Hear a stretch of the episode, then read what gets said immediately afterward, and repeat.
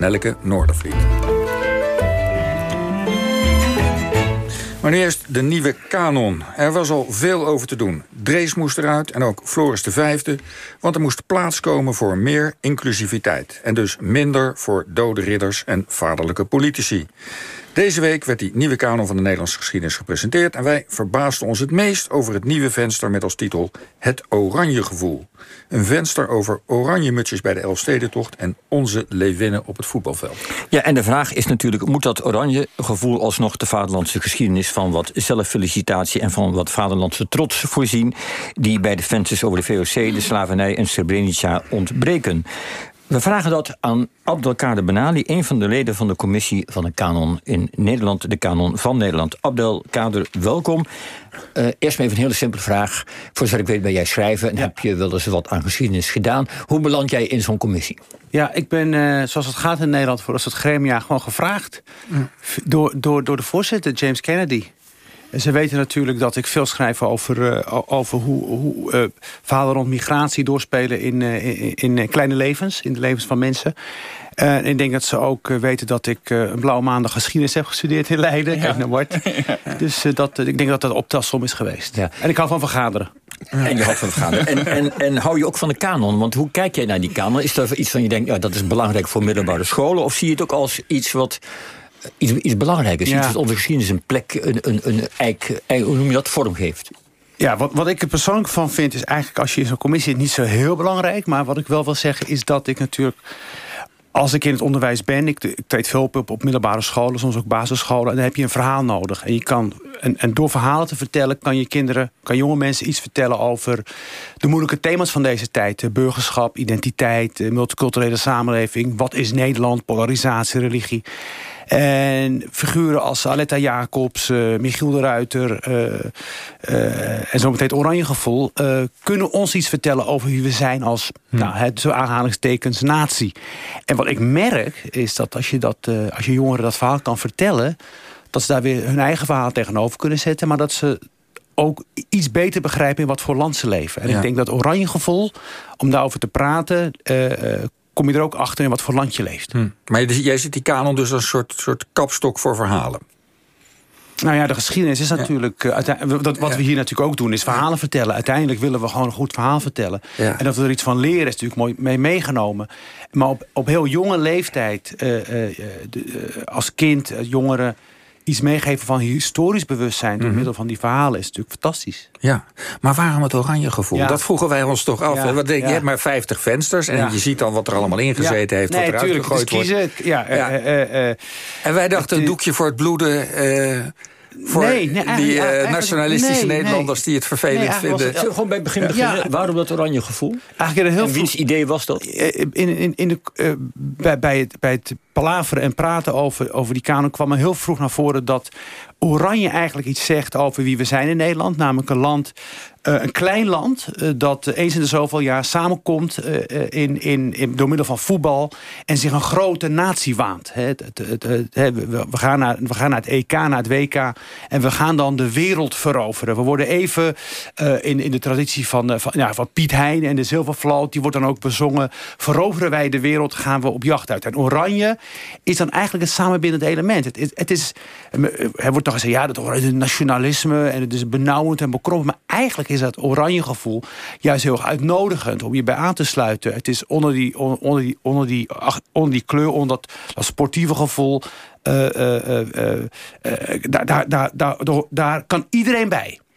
En, en, en, en, en het sluitstuk daarin is natuurlijk... het begint natuurlijk in 74 met Johan Cruijff... Maar, maar het sluitstuk zijn natuurlijk de leeuwinnen, de vrouwen. Het zijn de vrouwen die dat oranje gevoel... wat op een gegeven moment mankeerde bij de mannen... omdat het Nederlands elftal maar die WK's en EK's niet haalde. Op een gegeven moment kwamen die vrouwen op. En bleken ze precies hetzelfde te kunnen doen... als wat de mannen deden. Namelijk een hele natie verenigen uh, in, in dat sportgevoel. Het gevoel van wij tegen de rest van de wereld. En dat gevoel van opstand, dat zit er natuurlijk al heel vroeg uit. Nederland begint eigenlijk met opstand. De watergeuzen, een paar van die, ja, eigenlijk een beetje het uitschot. Hè, de, heffen van het volk, dat dan voor een groot ideaal zeg maar, opkomt voor de, voor de prins. Dat zie je ook terug, nog steeds terug. Het is eigenlijk een gevoel van opstand. Wilhelmus is het lied van de opstand. Dat wordt uit volle borst meegezongen. En het interessante is, vergeleken met andere naties waar, waar het kan leiden tot heel bekrompen nationalisme... is het in Nederland juist heel bevrijdend. We mogen even Nederlander zijn. We mogen even oranje zijn. Kijk naar Duitsland, waar het helemaal niet kan. Hè. Pas tot het WK van 2006 was er zoiets van... we mogen weer met die vlag zwaaien, want nationalisme was besmet. Maar eindelijk word je nu, je haalt de hele geschiedenis erbij... en zegt uh, het oranje gevoel, dat geeft ons een, een, een trapje om bij het gevoel van een klein land met een groot verleden te kunnen. Ja, zeker. Dit, zit. Ja, natuurlijk. dat, dat, daarin, dat maakt Nederland wel uniek met andere landen. Want als je bijvoorbeeld naar Italië gaat... Italië had, had altijd finales van WK voetbal en EK's. Ik heb een tijdje in Italië gewoond. Toen met het WK voetbal van, 2000, van 2000, uh, 2002 in Zuid-Korea, Japan. Toen ging ik naar het café om Italië te kijken. Er was helemaal niemand. Ik zeg, wat is hier aan de hand, joh? Waar zijn de volle piazza's? Waar, is, waar, waar, waar zijn de kleuren van de Azul? Toen zei ze, ja, maar we hebben dat helemaal niet, het gevoel. We wachten wel tot, tot ze in de halve finale staan. En dan gaan we nog eens een keer kijken.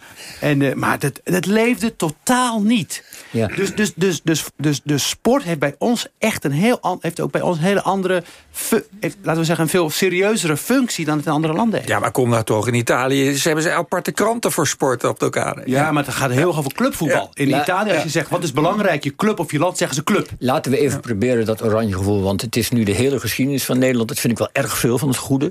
uh, denk, want dan heeft het ook zijn betekenis eigenlijk meteen verloren als het alles is. Want als iets alles is, is het eigenlijk ook niks. Dus kun je toch proberen duidelijk te maken wat het nou echt is. En wij vroegen aan jou uh, een fragment... Ja. wat het ultieme oranje gevoel laat horen... en bij jou teweegbracht zelf. Ja. Ja. Daar laten we even naar luisteren. Nederland gaat in de halve finale komen. Ik heb opeens zo'n gevoel dat we in de halve finale gaan komen. Met het balbezit voor Frank de Boer.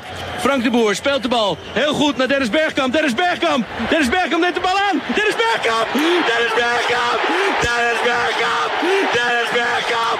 Dennis Bergkamp. Oh! Frank de Boer speelt de bal naar Dennis Bergkamp. Die neemt de bal feilloos aan. En ik schiet de bal erin. We spelen nog officieel 20 seconden. Dennis Bergkamp. Ja, vraag aan een Nederlander waar hij was toen Paas 2 werd geïnaugureerd. Hij weet het niet. Vertel aan de Nederlander, vraag aan een Nederlander waar hij was toen Bert Bergkamp scoorde. In de half, ja, kwartfinale tegen Argentinië. Hij weet het precies tot de seconde. 1998. 1998. Het moment dat, uh, dat Paas 2 aan de macht is. Eigenlijk het neoliberalisme. Nederland is af. En dat zien we ook terug in het elftal. Het multiculturele elftal. Dennis Bergkamp, Frank de Boer, uh, Patrick Kluivert, Winston Bogarde in de verdediging. Dat elftal is af. Dat, dat elftal symboliseert dat veel meer dan andere landen symboliseert Oranje wie wij, wie wij willen zijn als, als, als natie. Ja, klinkt allemaal heel prachtig, maar, maar toch. Wie we willen zijn als natie. Maar zit er niet ook iets, uh, om maar eens even ronduit te zeggen... verdachts, suspects aan? Want uh, wij zijn onszelf door van anderen te winnen. Uh, het is, ja, het is, dat is, het is ook ja, de, de winnen van ja, de Duitsers is heel nu, belangrijk. moeten we, moeten we dit soort gevoelens hè, van wij zijn de sterkste... dat waren we vroeger met Piet Hein en met ja. Koen... en nu zijn we het met een paar voetballers. Dit, moeten, we dat, moeten we dat gevoel nou echt gaan koesteren... en tot, tot, tot, tot een, een, een, is, een, een, een venster maken? In... Ja, nee, dat vind ik interessant wat je zegt. Maar het is, nog wat, waarom. Het is nog wat gelaagder. Omdat Nederland... Nou, nou, als ik een land is waar je eigenlijk niet kan praten over nationale identiteit. Als je zegt, met, met, ik, sinds ik uh, mijn lezingen doe, zeggen mensen altijd tegen mij van, uh, van ik, ik, ik, zal nooit zeggen dat ik een trotse Nederlander ben, want dat doe je niet. Maar er zijn, er zijn eigenlijk maar heel weinig momenten waarop mensen in Nederland zich echt even gevoel van, van verbondenheid erbij, ja. een natiegevoel. Dat is eigenlijk alleen met, het, met oranje. En nu komt maar, er nog iets. Ja. Het interessante aan dat, aan dat oranje gevoel is wanneer we verliezen. Eigenlijk is Nederland heel goed, niet zo goed, niet goed in winnen... maar juist heel goed in verliezen. Want op het moment dat we verliezen en dat we eruit liggen... dan begint zeg maar de, de, de, de leegte van de identiteit te voelen. We, voelen dan, we, we ontwaken uit dat sprookje van oranje. We waren even een paar weken lang één en samen en carnaval en alles mocht. En we mochten, we mochten schaamteloos trots zijn. En we hebben verloren vaak op een vormfout, namelijk penalties...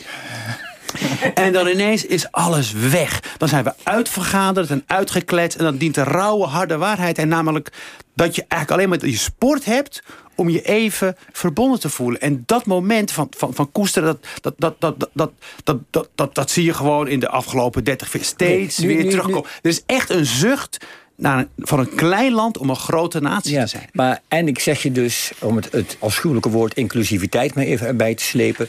Um, Oranje, dat is inclusief, dat sluit alle Nederlanders in. Is dat nou werkelijk zo? Jij komt van Marokkaanse, ja, jij nou, bent van Marokkaanse kom af. Ja, uh, zeker, zeker. Hoe, hoe, zijn er niet veel mensen die denken... maar god, wat heb ik met al die, al die Nederlandse voetballers te maken? Hoe zit dat nou Ja, die zijn er ook. Maar, als je ook, maar toch dat, dat, dat, dat, oranje gevoel zie je ook terug bij individuele sporten. Een Kroonwie Jojo, maar ook marathonloper als Abdina Geye... Die, die dan in, in, Rio eh, elfde eindigt. Die wordt dan, omdat hij voor oranje uitkomt... is hij onderdeel van de natie. Is hij onderdeel van dit land. En dus, dus, dus het is eigenlijk een soort van paspoort toe-. Wat, wat de Engelsen noemen belonging. Ja, maar is het niet ook een beetje eh, een scheiding juist? Want de beste Nederlandse voetballer speelt voor Marokko. Nou goed, dan zie je dan, op dat, op dat soort momenten zie je dat... Kijk, we, we hebben namelijk een sprookje hè, van eh, één identiteit, één nationaliteit, samen succes. Maar je ziet dan op dat soort momenten dat het sprookje eigenlijk een heel... dat het sprookje schuurt. Want er zijn dus mensen met een dubbele nationaliteit... die daar niet voor kiezen. En dan voelen we ons verraden. Wij voelen ons dan in de steek gelaten. En dan blijkt het eigenlijk een hele relativerende verhaal... over identiteit en Nederlanderschap... waar we altijd zo lekker verlicht over doen... blijkt ineens zich te vernauwen tot toch een gevoel van... Jij, wij of zij. Blijkbaar lijken we dat dan ook nodig te hebben. We moeten tot onze schaamte bekennen... dat we eigenlijk veel bekrompener zijn dan we, dan, dus dan we eigenlijk, dan we dus eigenlijk dat zeggen. oranje gevoel geeft ook een, een sleutel tot het gesprek aangaan over eh, wat is Nederland en wie hoort erbij en wie hoort er niet bij. Ja, zeker, zeker. En hoe stel je je voor dat jij, stel je voor, jij staat morgen in de klas Ja. en je moet het venster oranje gevoel gaan doen. Ja. Waar, hoe doe je dat? Nou, Waar begint je verhaal dan? niet, niet bij al die dingen waar je, die je net noemde, dat hele enorme verhaal. wat Dus ik- hoe begin je? Wat, ik dan vertel is wat David Winner vertelt, de Engelse schrijver. in David boek- David Winner, de, Engelse schrijver die een prachtig boek heeft geschreven over Nederlands elftal, Nederlandse cultuur, Brilliant Orange. En die zegt eigenlijk, als je Nederland wil begrijpen, eh, de architectuur van Nederland, de, maar ook de manier waarop Nederland eh, voetbalt, namelijk via klare lijnen, de ruimte zoeken, het ruimteprobleem oplossen, dan moet je eigenlijk praten over de inrichting van het Nederlands landschap. Want zoals de Nederlanderen polderen en inkaderen en, en, en zichtlijnen aanleggen, zo voetballen ze ook. En, we, en we hebben het kringgesprek uitgevonden om het teammanagement te doen. Dus we gaan iedereen gelijk maken in de groep om tot een gezamenlijk doel te komen. Johan Cruijff is, geen, is dan ook is niet echt. Johan Cruijff, de held van de natie, is geen, geen echte leider, maar is een aanjager van het systeem. Is een uitvoerder van wat we samen met elkaar hebben afgesproken. En daarbinnen, daarbinnen die, binnen dat groepsdenken komt, i- eh, komt, komt het talent van elk individu tot zijn recht. Dus, dus, dus dat is voor mij wat ik zou vertellen. Hoe eigenlijk die Nederlandse geschiedenis, het denken over het inrichten van het landschap, de polder, de samenleving, de waterschappen, ook gewoon terugkomt in, in hoe we de sport beleven. Ja. Ik ben niet overtuigd, eh, Jos. Nou, het, het lijkt ja. me heel moeilijk om dit aan een klas uit te leggen. Nou, maar dat- dat, is, dat is een, ander, dat, dat Nou, is, nee, dat is een is andere best vraag. wel- nee, ja. dat is best- Ja. Nee, eh, het is spannend, maar het is een spannend, eh, een spannend eh, heel onverwacht venster. En ja, we zijn heel benieuwd hoe het in de praktijk gaat uitpakken. Maar leven het oranje gevoel voorop. hey, Abdelkader, dankjewel.